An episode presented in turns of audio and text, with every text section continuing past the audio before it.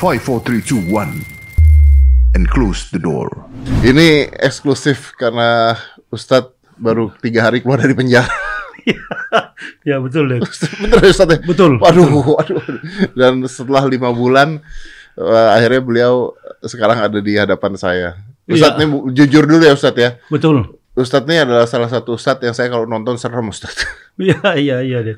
Iya. Karena wah luar biasa Anda kalau ngomong waktu itu saya kalau nonton, aduh serem banget, ini serem banget. Iya. Iya. Tapi Betul. gimana Ustadz ceritanya sekarang ap- apa gitu? Berubah atau atau apa atau gimana nih Ustadz? Saya nggak Nah. paham. Eh, dalam eh, dalam situasi dan eh, kondisi yang bagaimanapun yang selalu saya hadapi, Ya, saya tidak pernah melibatkan siapa pun manusia. oke. Nggak pernah. Nggak Jadi pernah. sendiri. Ya, saya dalam dalam uh, mendapat satu petunjuk hidayah, bahkan keluar dari agama Kristen masuk Islam, itu tidak ada uh, disuruh. disuruh oleh siapa pun. Oke. Tapi itu itu kemampuan saya memahami secara akademik, kemampuan saya memahami tentang persoalan teologis. Oke, oke. Ya, tentu uh, hal ini tidak melibatkan orang lain. Maksudnya setelah keluar gitu, setelah keluar, apakah Ustadz akan dengan gaya ceramah yang sama atau gimana sekarang gitu? Oh tidak, tidak, tidak, tidak Oh, mungkin. Saya akan membantu masyarakat ini supaya kita tidak terkontaminasi dengan berbagai macam dinamika, dinamika politik yang terjadi akhir-akhir ini. Entah pemerintah mau bangun kota di mana, kayak di mana, terserah. Boleh kita protes, tidak, apa-apa kita protes. Mungkin eh, apa namanya? Tapi cara protesnya gitu ya? Ah, cara protesnya boleh kita protes, tapi dengan santun Oh, dan beretika. tidak boleh mengadu domba atau atau menjelek-jelekan. Aduh, sudahlah berhenti itu, Det. Udah berhenti. Berhenti stop itu. Karena itu memang ah, Oke, Tat, gini, gini. Iya. Ken- kenapa Ustadz bisa berpikiran untuk udahlah berhentilah? Ini kan nanti ada yang berpikir bahwa ini jangan-jangan disuruh nih, disuruh berhenti nih, disuruh ini, atau dari diri sendiri atau gimana itu Ustadz? Ah saya saya begini, saya saya sudah bilang dari awal. Jangankan saya uh, me- me- mengatasi persoalan yang ada dalam kehidupan uh, bernegara, berbangsa bernegara, bermasyarakat. Dalam kehidupan yang saya hadapi sendiri secara secara yuridis, dalam pandangan kehidupan uh, pidana yang saya hadapi, begitu dihadirkan pengacara, saya tolak.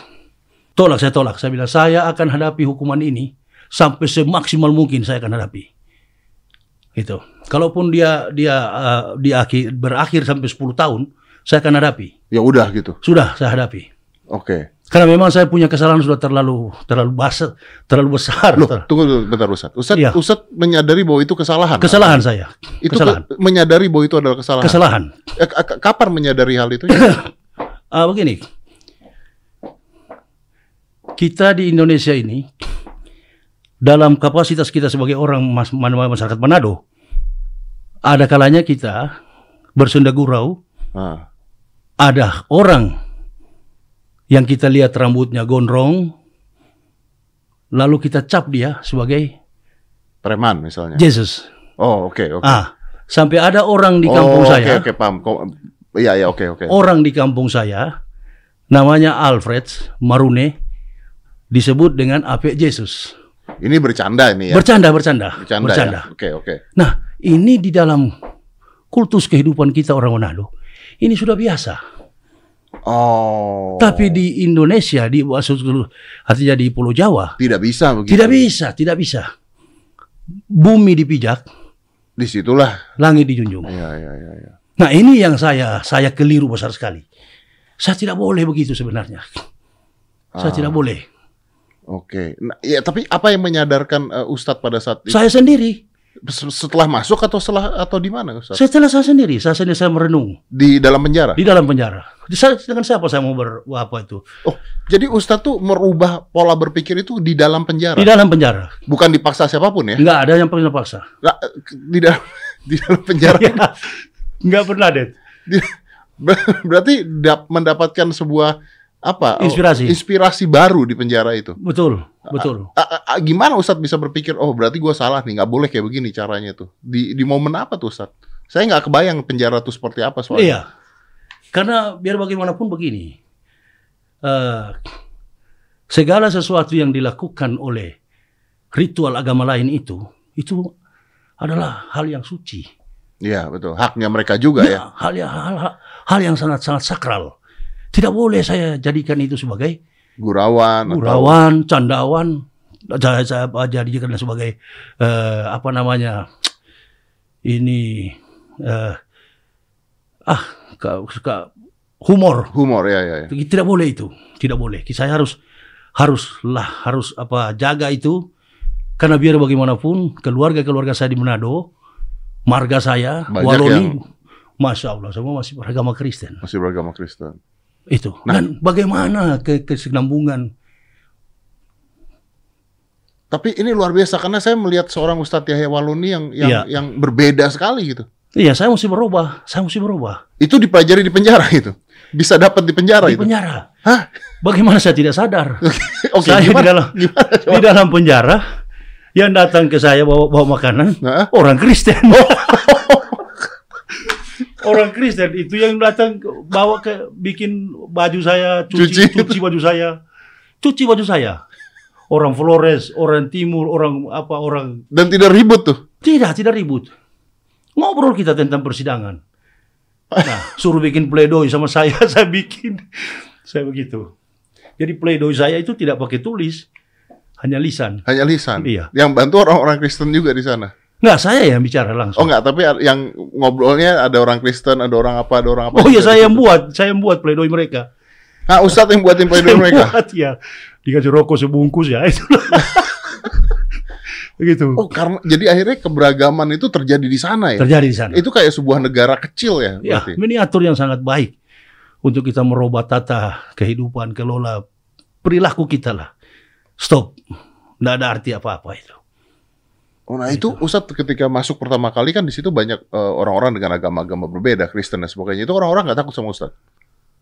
Oh iya, memang pertama. Awal-awal, awal-awal mah serem ah tuh. Iya, seram-seram, tapi saya memang kan orangnya humoris, Det. Ah, Sedangkan polisi tangkap saya aja sendiri, masa Allah boleh tanya. Orang-orang baris krim, Ah. apa yang dari apa eh, cyber, ah. itu kan pe- katanya hanya 27 orang. Tapi begitu mau tangkap saya, ah. sudah jadi berapa mobil itu? Jadi tujuh atau sembilan mobil Jadi, itu. jadi banyak. Jadi saya bilang sudah komandan, nggak usah banyak-banyak, nggak usah jemput saya. Insya Allah saya akan datang. Dan Ustadz datang sendiri akhirnya. Datang saya bilang saya saya ganti baju dulu. Saya pakai sarung dan saya dalam keadaan sakit berat Pada saat itu. saat saat itu sakit berat. Gitu. Bawa saya. Bawa. Bawa saya dan penjarakan saya. Ah, Ustadz ngomong gitu. Iya. Saya laki-laki, saya sudah siap. Bawa saya. Penjarakan saya dan saya sudah hadapi apa pun yang akan terjadi dalam hidup. Awalnya berpikir berapa lama tuh, Ustadz? Saya paling tahu karena di media itu paling tinggi 5 6 tahun, 10 tahun. Jadi Ustadz berpikir awalnya 10 tahun. 10 tahun saya di penjara. serius Ustadz. Ya, Awalnya ber- udah udah menyiapkan untuk 10 tahun nih 10 gua masuk tahun penjara. saya mau jadi uh, imam di situ. Nah, kok Oke, saya masih belum ngerti. Kenapa tiba-tiba bisa jadi lima bulan Anda keluar, Ustaz? Saya nggak tahu. Saya nggak tahu. Karena yang yang kepung saya itu kan ya boleh dikatakan banyak lah. Iya, iya, iya, Ya, yang bukan saya kira dengan kita. iya, iya. Dan Ibu Yuni Daru itu hanya satu-satunya muslim yang ada di situ.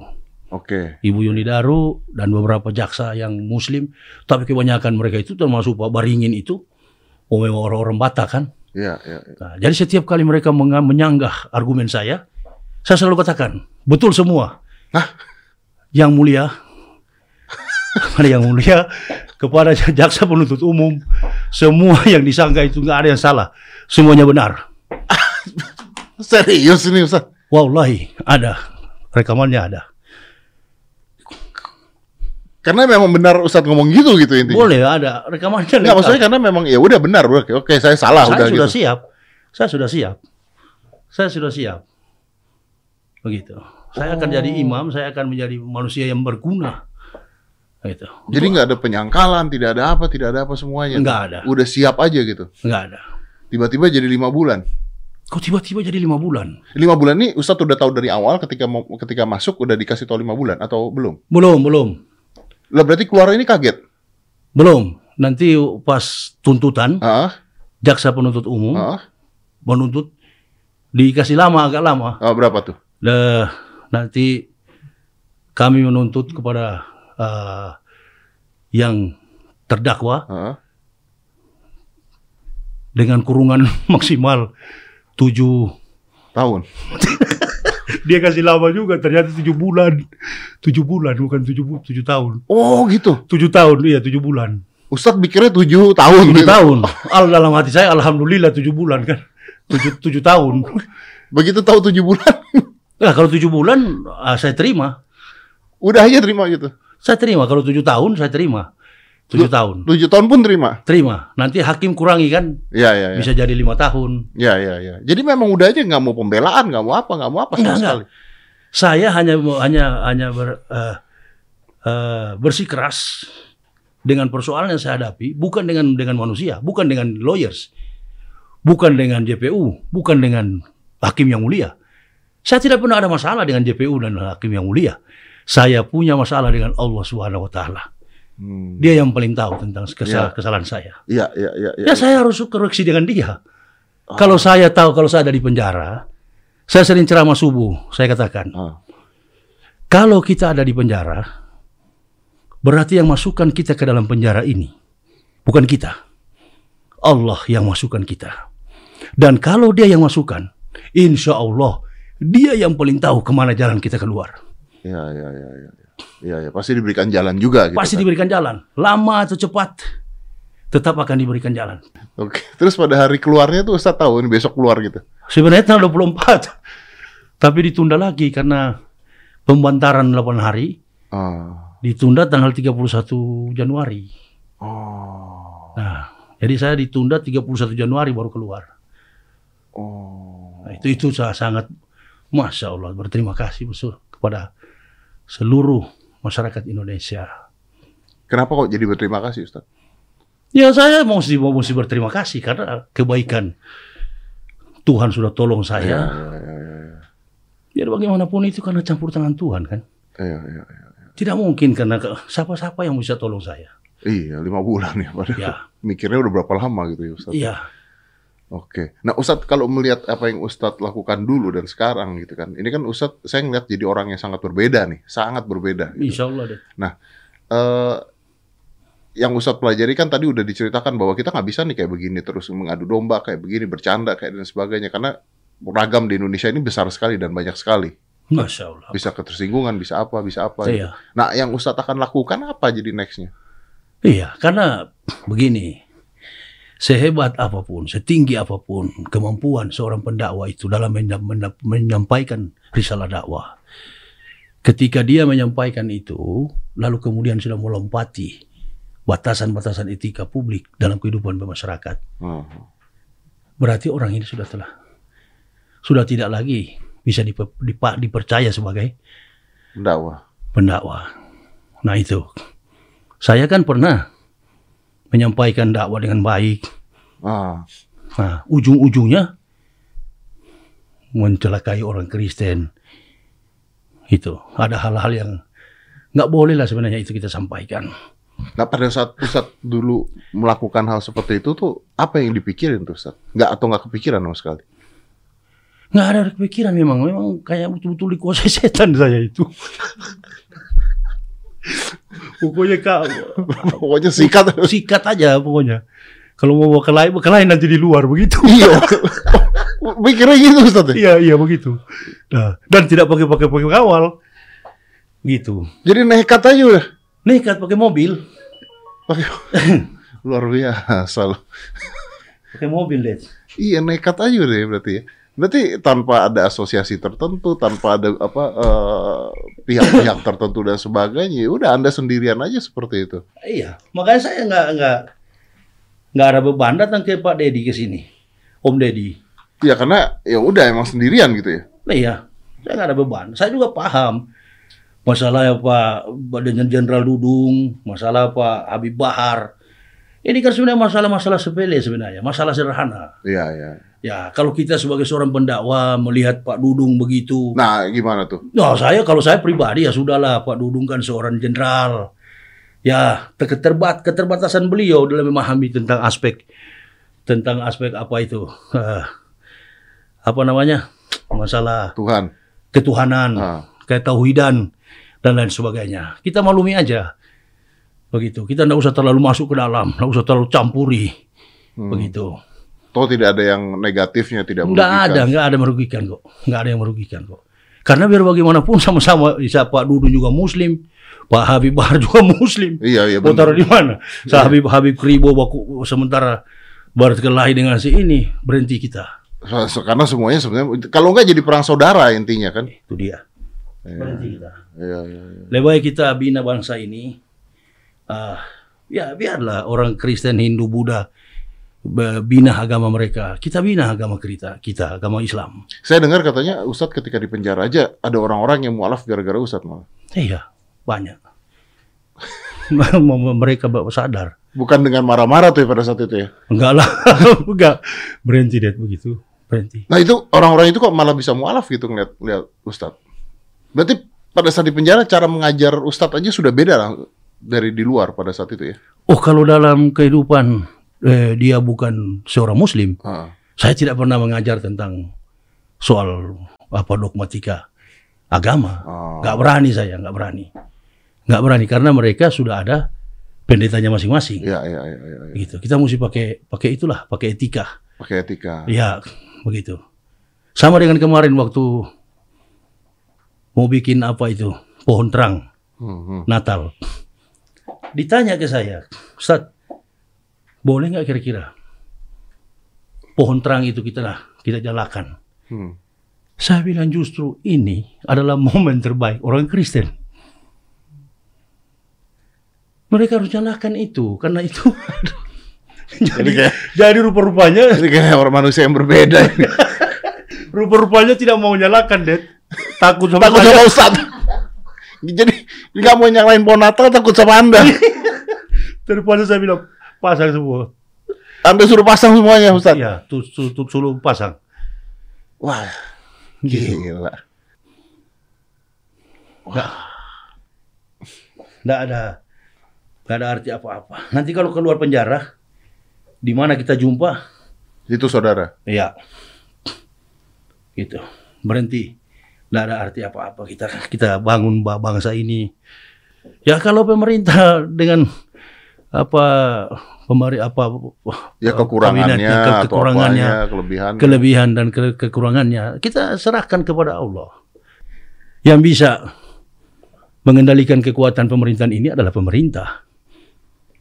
Anda sebagai seorang ulama urus aja soal agama, Hmm. tidak usah urus-urus soal politik.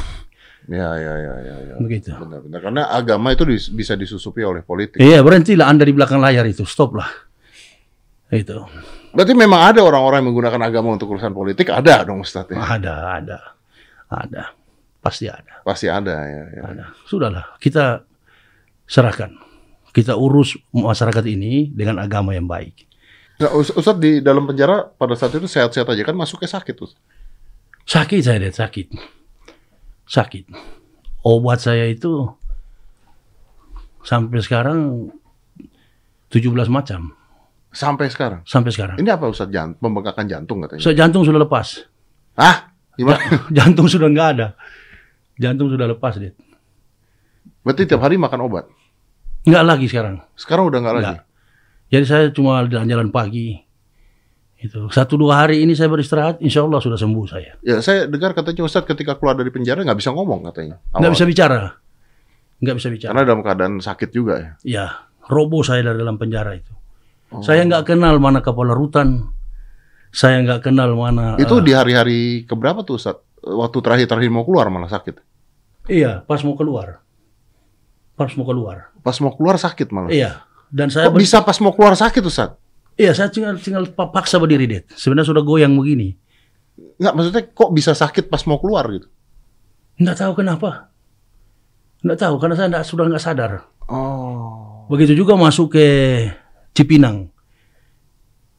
Ngomong sudah nggak nggak karu-karuan saya ngomong. Orang di Cipinang tahu "Oh, ngomong apa ini Ustadz. Nah diperiksa darah saya, darah saya 150 per 120. Wah, tinggi berarti. Tinggi. Nah, sampai di di kota wisata dibawa di oleh siapa itu Pak aduh Polisi Pak- juga. polisi Oke. Eh, orang ini eh cyber Oh, diantar ke rumah. diantar ke rumah dengan Pak Yusuf Mansur Oke, oke, Yusuf Mansur saya nggak kenal kalau ada Pak Yusuf Mansur oke, gitu karena beliau juga turut menye- menjemput saya oke, oke. Nah, terus setelah sampai di rumah saya nggak tahu kalau mana ada Adi Mansur, ada Pak eh, ah siapa ini orang Batak ini, Pak Emil Siregar, Oke, oke. Ada Pak eh, Bambang Siregar Ini dari kepolisian. dari kepolisian. Nah orang-orang baris bareskrim ini kan baik sama saya, baik sekali mereka orang-orang polisi ini yang ada di bareskrim Polri ini. Bahkan saya maunya tidak usah di tidak usah di Diantar. tidak usah diantar ke rumah sakit, langsung bawa aja ke Oh, tapi sempat dibawa ke rumah sakit. Iya karena mau tidak mau harus ke rumah sakit deh, karena sudah bengkak, Oh, sudah roboh saya, sudah nggak bisa berdiri, sudah pingsan.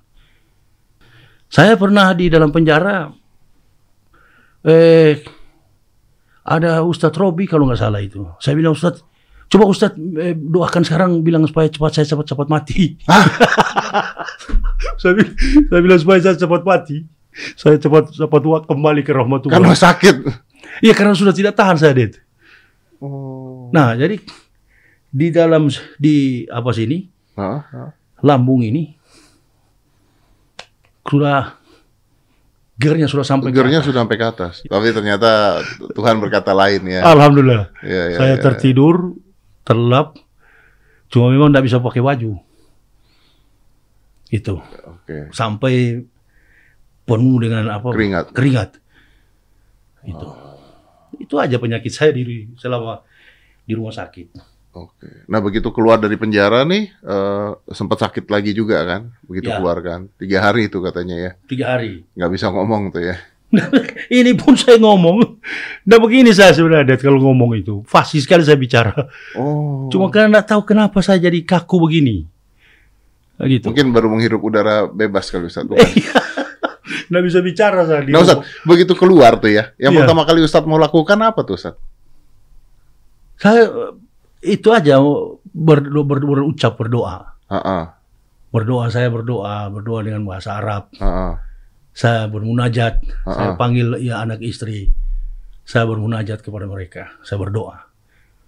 Oh nyambung rupa-rupanya. Oh. Lah langsung saya berdoa terus, saya paksa terus. Gitu. Nah, maksud istri pergi ke dokter, saya bilang jangan ke dokter. Oh, istri menyuruh Ustaz ke dokter. dokter. Saya bilang jangan ke dokter. Nah, Lebih bagus panggil tukang tukang pijat. Kalau tukang pijat bagus saya bilang. Ja- jadi- kalau dokter tambah obat lagi, tambah obat Tambah lagi obat nih. lagi. Ustaz nggak mau nambah obat nih, udah banyak nih ya. ya. Jadi semakin banyak saya- semakin banyak saya minum obat, semakin pusing saya. Iya, iya, iya, iya, iya. Begitu. ya. Terus panggil tukang pijit. Ya, ma- makan tidak tidak tidak teratur. Ini kan sudah mulai mulai naik Turun berapa kilo Ustaz awalnya? Mulai naik ini, Det. Tadinya turun berapa kilo? 16 kilo. 16 kilo. Iya, habis. Habis. Nah, sekarang kuat sekali makan saya. Oh, udah balik nih. Ini sebenarnya nggak boleh minum teh dulu. Oh, harusnya nggak boleh. Nggak boleh. Wah, tadi kenapa minta teh? Ntar kita keracunin ini namanya. Langsung ngos-ngosan saya kalau teh. Oh, karena iya, karena dia naikin jantung kan. Air putih aja, air, air panas. air putih. Kenapa? Wah, Levi Anda tanggung jawab Anda. Ya nggak apa-apa deh. Tadi tawarin min, gue tawarin kopi pula ya. gue tawarin kopi pula. Wah, cilaka. Anak-anak aja apa Ustaz? Apa ya? Nolak. Iya bener juga. Itu 10 28 hari saya pernah diisolasi Nah, di kamar nomor 10 itu, Det. Tiap jam 2 malam saya punya kaki itu pasti ditarik. sama? Nggak tahu siapa yang narik. Orang di penjara juga. Iya, tapi tariknya itu selalu jam 2, jam 1, jam 2 malam. Ditarik itu gimana, kan? Kayaknya disuruh bangun saya untuk tahajud. Oh, Dia tarik kaki saya. Nah, setelah saya mulai tahajud, orang menangis, sedih. Kayak lehernya ini kayak dip- dipotong. Jadi saya periksa di dalam luar ruang apa itu, ruang ah. sampah.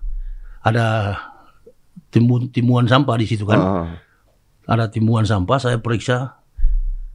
Tidak ada orang yang bersuara. Saya keluar lagi. Ada lagi yang bernapas. Ha, ha. Waduh, serem banget. Iya, kayak sudah setengah mati.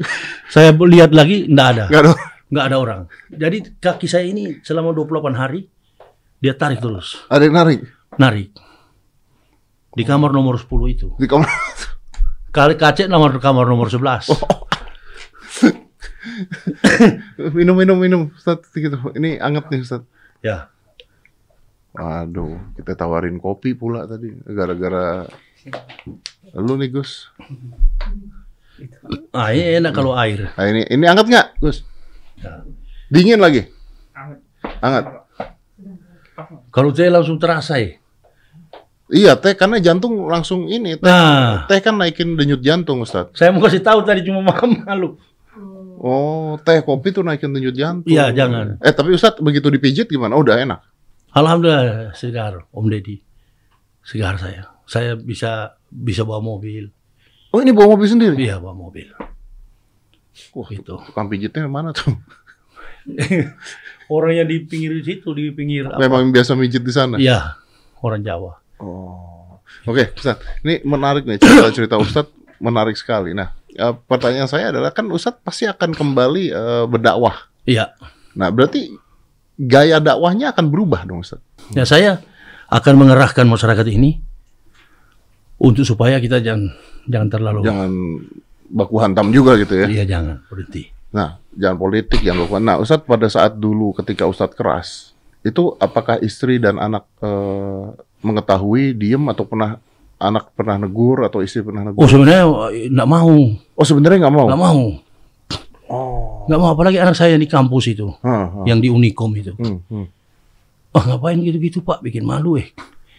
Itu, dia kan di Unikom di Bandung. Berhenti pak, berhenti. Saya jadi malu. Itu. Nah, begitu keluar gimana nih? Anak, istri gimana ngeliat Ustadz sekarang? Nah, saya mesti mesti katakan bahwa tidak ada yang lebih baik kecuali kita menjadi jalan menjadi eh, jalan yang lebih baik untuk orang lain. Kalau sekarang dengerin Ustadz kayaknya adem. Iya, ya begitu. Enak banget dengerin. Adem. Berhenti sebelum tidak ada guna. Gak ada guna ya bener-bener. Iya. Kita bantu aja polisi, Iya, iya. bantu aja orang-orang bareskrim ini orang-orang bagus kok, orang-orang sopan. Dan ini yang sekarang berarti udah kembali ke keluarga ya Ustadz ya? Ya, anak udah lebih bahagia lah ngeliat seperti ini Ustadz ya. Ya itu dia. Stop. Stop. Kapan Ustadz mau mulai berdakwah lagi Ustadz dengan gaya yang berbeda? Saya istirahat dulu deh. Oh, Ustadz. Istirahat dulu kemungkinan mungkin eh, pertengahan bulan-bulan ini baru saya berja- mulai ke Sumatera. mulai ke Sumatera. Iya. Nah itu gimana tuh dengan gaya dakwah yang berbeda? Nah sekarang saya bilang sama istri anak ya kita kita berikan pengetahuan kepada masyarakat. Jangan kita kompor-kompori lagi. Dan nanti kita ada so, kampret di sana, cebong di sana ini. Gak peduli lah ya udah. ya. Berhenti sudah. Siapa lagi yang mau urus bangsa kita ini? Kalau bukan kita sendiri yang akan merawat. Iya betul betul. Saya Iya. setuju dengan Ustadz. Eh, Betul. Wah. kita mau tahu bagaimana deh kalau umpamanya di antara kita mohon mohon maaf aja orang-orang yang tadi tadinya andil dalam Ah, dalam apa pemerintahan. Kemudian secara tidak langsung dia sendiri yang akan menghancurkan kita. Dia nggak tahu juga. ya itu dia. Jadi kita mulai dari sekarang ini ada ketua yang baru terpilih ketua NU Hmm, Wah, ya, Pak Yahya Stakuf. Ya kita mulai bersatu lah. Ya, ya. nah. Ya dia buat Indonesia juga ya. Iya, bagus sekali program beliau. Kalau saya, Dad, mohon maaf. Saya nggak ada masalah dengan siapa pun. Saya tidak ada masalah dengan siapa pun. Saya adalah urusan persoalan secara Pribadi. teologis. Teologis. Teologis. Saya tidak ada urusan persoalan dengan politik mana pun. Nggak. Dan saya minta maaf. Sebagai laki-laki, saya harus hadapi itu. Saya hadapi itu. Apa pun saya mau hadapi, saya harus hadapi. Ya, ya. Ya intinya memulai dengan hal yang baru ya Ustadz ya. Iya. Buat bangsa dan negara Oh, kita ya Ustadz. oh, dia mau caci maki, dia mau apa segala macam. Sudah nanti dia yang bersendiri yang sadar. ya, saya nggak peduli. Saya nggak peduli. Karena saya dari dulu nggak pernah campur-campur. Nggak pernah ya, memang jalan sendiri ya. Saya nggak pernah punya Mhm. link dengan siapa pun. Nggak ada. Oke Ustadz. Saya dengan Habib Rizik, saya datang, saya bertemu. Ya udah gitu ya. Sudah. Memang tidak terkait dengan eh, isu-isu lainnya intinya ya. Iya. Dengan siapa pun, eh, siapa? Eh, Ferdinand, saya panggil malah mau lari. Saya bilang, tidak mungkin kita berkelahi, tidak mungkin. dia dia malah lari kan, takut. Iya, takut awalnya. Takut. Tidak apa-apa saya bilang. Pak Ferdinand, hadapi hal masalah ini, serahkan kepada polisi. Ya, ya, ya sudah lah intinya intinya jalankan apa yang udah terjadi. Terus kita bangun Indonesia sama-sama lah. Ya Iya. pasti namanya membangun kan ada kurangnya, ada negatifnya, ada baiknya juga. Iya, Ya, ya pokoknya rakyat kita bersatu aja udah intinya iya. untuk ke depannya. Saya datang ke sini ini pertama-tama memang di dalam keadaan kondisi fisik yang kurang sekali. Tidak tidak apa namanya, tidak menunjang lah. Hmm. Saya datang kepada Om Deddy di sini hanya ingin menyampaikan permohonan maaf yang sebesar-besarnya kepada seluruh masyarakat. Mudah-mudahan uh, ke depan kita akan menjadi lebih baik. Itu, Baik Ustaz. itu. Ustaz, terima kasih udah Ya, eh, udah datang ke sini. Ini saya sangat menghargai dan tadi Ustaz juga udah mengatakan bahwa ya udahlah apa pun itu perbedaan ya mau cebong, mau kampret, mau bela ini, bela itu gitu. Akhir-akhirnya kalau ini dipolitisasi atau dibesar-besarkan akhirnya eh, umat muslim lawan umat muslim sendiri, saudara lawan saudara sendiri. itu dia. Indonesia ya berantakannya gara-gara itu. itu dia. Lebih baik ya kita saudara dengan semuanya kita kita saudara lah Iya, intinya iya. urusan mereka dengan agamanya itu urusan mereka dengan yang ada di atas kita Amin. urusan manusia Iya. begitu Ustaz ya Ya, kira-kira begitu. Ustaz terima kasih banyak Ustaz ya Ya. ini bisa menginspirasi banyak orang nih Ustaz Sama-sama deh. dan sehat-sehat terus Ustaz ya Ya, mulai sekarang saya akan subscribe YouTube Anda mendengarkan dakwah-dakwah Anda karena ini luar Siap, biasa sekarang Ustaz terima kasih Ustaz ya sama-sama. Let's close this 5, 4, 3, 2, 1. And close the door.